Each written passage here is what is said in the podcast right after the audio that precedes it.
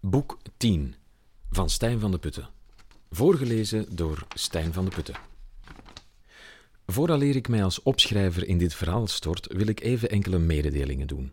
Vooraleerst heeft u als trouwe lezeres of lezer, luisterettes en luisteraars, deze opmerking geldt niet voor jullie, al gemerkt dat de letters van het titelblad en zo ook die van deze inleiding anders zijn dan het voorgaande werk dat reeds verschenen is van deze auteur. Ik wil me niet echt excuseren, maar gewoon meegeven dat ik mezelf ook wel bewust ben van deze verandering. Misschien zorgt dit wel voor vrevel, laat me u dan alvast meegeven dat deze vrevel misschien weggaat en misschien ook niet.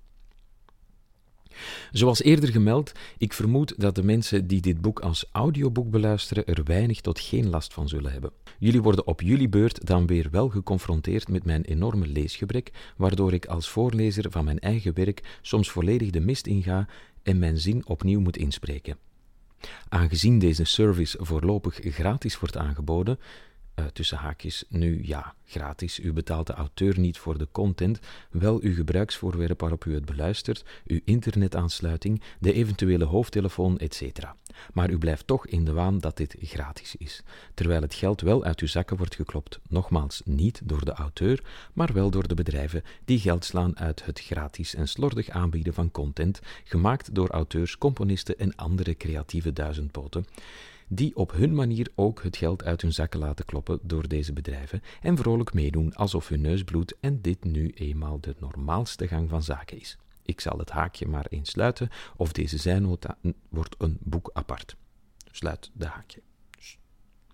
Of haakje, sluit het haakje. Ik weet het, lezeressen, lezers, luisterettes en luisteraars.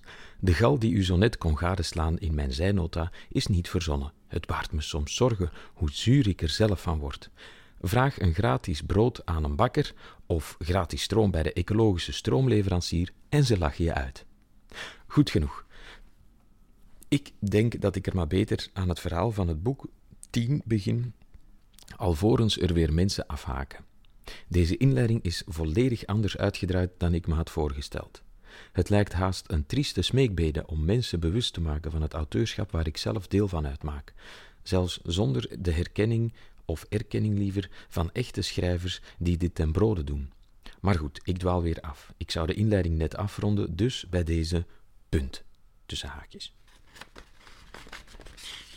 de inleiding is voorbij en nu ehm, ga ik dus beginnen aan het voorlezen van het verhaal van boek 10. Het begon allemaal met een klein liedje. Joris zat op zijn paard en neuriede wat mee met de vogels die zich hadden verzameld op een vlinderstruik verder op het pad. Samen met zijn gevederde vrienden zocht hij naar een wederkerig melodietje dat zowel mens als vogel in zijn ban zou brengen. De vogels floten er lustig op los, terwijl Joris de struik naderde en plots zijn neuriepatroon doorbrak met een felle tongklak. Om zijn paard te doen stoppen. De vogels verschoten van de felle ommekeer en stopten prompt ook met fluiten. Het paard op haar beurt raakte in de war door de plotse ommekeer van het omgevingsgeluid en in plaats van te stoppen, sloeg het op hol. Hoe een begenadigd ruiter Joris ook was, hij sloeg er pas na zeven en een halve minuut in om zijn paard tot rust te krijgen. Hij stapte af en hield de teugels vast. Het was de eerste keer dat hem zoiets overkwam. Joris wist als geen ander dat je een paard niet mag overladen met je eigen emoties, maar steeds moet trachten om op eenzelfde lijn te komen met de emoties van het dier. Deze keer lukte het echter niet om zijn eigen emoties te bedwingen. Hij liet de teugels los en verwachtte dat het paard zou weglopen. Het tegendeel was echter waar. Het paard duwde haar hoofd zachtjes tegen Joris slaap en blies zachtjes in zijn gezicht. Joris aaide haar en begon zachtjes het liedje van voor de wilde tocht te neurien. Hij stapte terug op en ze verdwenen in het pad langsheen het maisveld. Joris had tijdens zijn rit genoeg tijd om te overpeinzen wat er zo net allemaal gebeurd was. Te veel tijd zelfs, waardoor hij, zonder het te beseffen, het hele gebeuren veel te hard begon te psychologiseren en achter alles een betekenis begon te zoeken. En op het einde van zijn bedenkingen de echte reden waardoor hij in deze situatie was beland totaal uit het oog was verloren. Hij had zichzelf te serieus genomen, zoals zoveel volwassenen dat doen, en hij had zijn eigen verhaal als enige echte waarheid genomen. Er was weinig reden om nog ergens aan te twijfelen, dacht Joris, toen hij thuis kwam en zijn paard in de stal zette. Was hij er helemaal van overtuigd dat de vogels de schuldigen waren in dit verhaal. Zijn eigen aandeel had hij volledig verdrongen. Het feit dat hij zelf op zoek was naar een onnatuurlijke muzikale band tussen mens en dier en daar alles behalve in geslaagd was, leek hij niet te zien. Een, blind, een blinde vlek voor zijn eigen egocentrische houding, zou je het kunnen noemen. De vogels die ondertussen al heel wat hadden rondgevlogen, hadden afgesproken om elkaar terug te ontmoeten in de vlinderstruik bij valavond. De zon was inderdaad aan het vallen. Zij het niet echt. Onderzoekers hebben ondertussen bewezen dat de, de aarde is die draait en niet dat de zon zo ver beweegt. Maar ja, dat zou nu wat raar zijn om dat zo in een verhaal mee te geven. Dus de vogels begonnen zich terug bevonden zich terug samen in de vlinderstruik en hadden duidelijk nog wat na te chilpen over het voorval van eerder op die dag. Die man met dat paard, die contact zocht en het plots zelf verbrak door zijn paard tot halt te roepen, dat er op haar beurt van doorging omdat het geschrokken was van de winding in het omgevingsgeluid. Althans, zo dacht een deel van de vogels erover.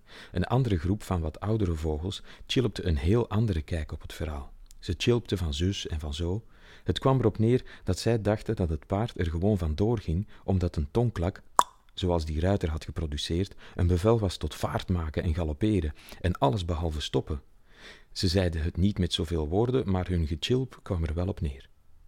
Onder de vlinderstruik hadden zich een paar vlinders, hadden zich een paar vlinders verstopt in het zand van een molshoop. Uit schrik om door de vogels aanzien te worden als een of andere hippe gekleurde lekkernij, hadden ze er niets beters op gevonden dan om zich in het vers omhoog gewerkte aarde te verstoppen tot het moment dat de vogels zouden wegvliegen of in slaap vallen. Helaas maakten de vogels totaal geen aanstalten om weg te vliegen, laat staan, of liever laat vlieg, om te gaan slapen. Het plan van de vlinders was dus redelijk mislukt. Ze namen, de vrede, er vrede mee en besloten onder het geruis van het gechilp zelf in slaap te vallen. Het werd donker en enkele vogels besloten om terug naar hun nest te vliegen. Een paar van de oudere vogels, die wat te veel gechilpt hadden, besloten om in de vlinderstruik te logeren. Er zat thuis toch niemand op hen te wachten en het risico nemen om nu nog te gaan vliegen in het donker was geen goed idee.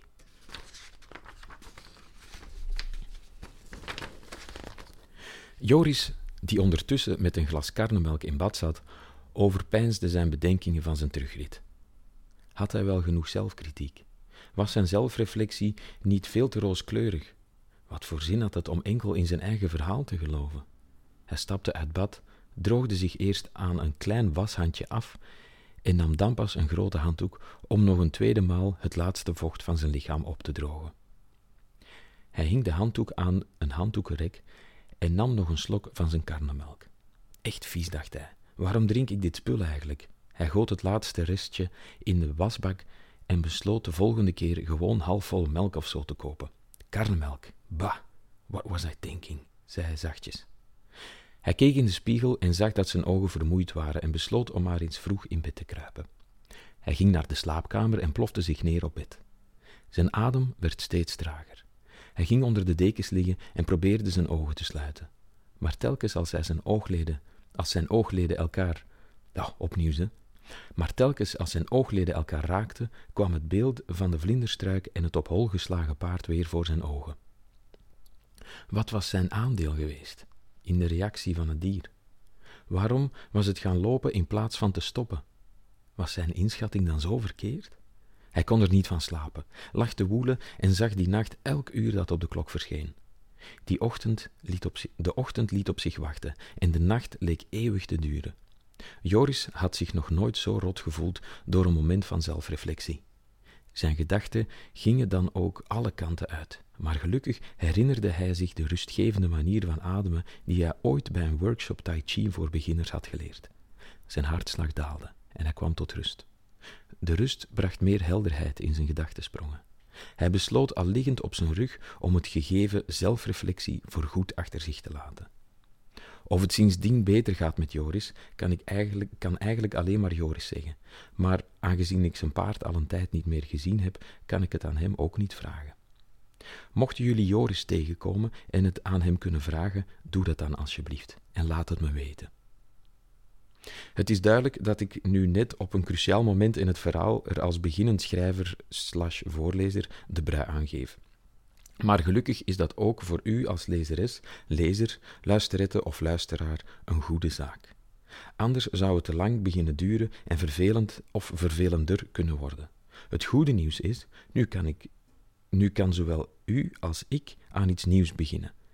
Of iets nieuws beginnen doen, liever. Of iets ouds. Ik werk me in de nesten door alle mogelijkheden te, mogelijkheden te willen opsommen.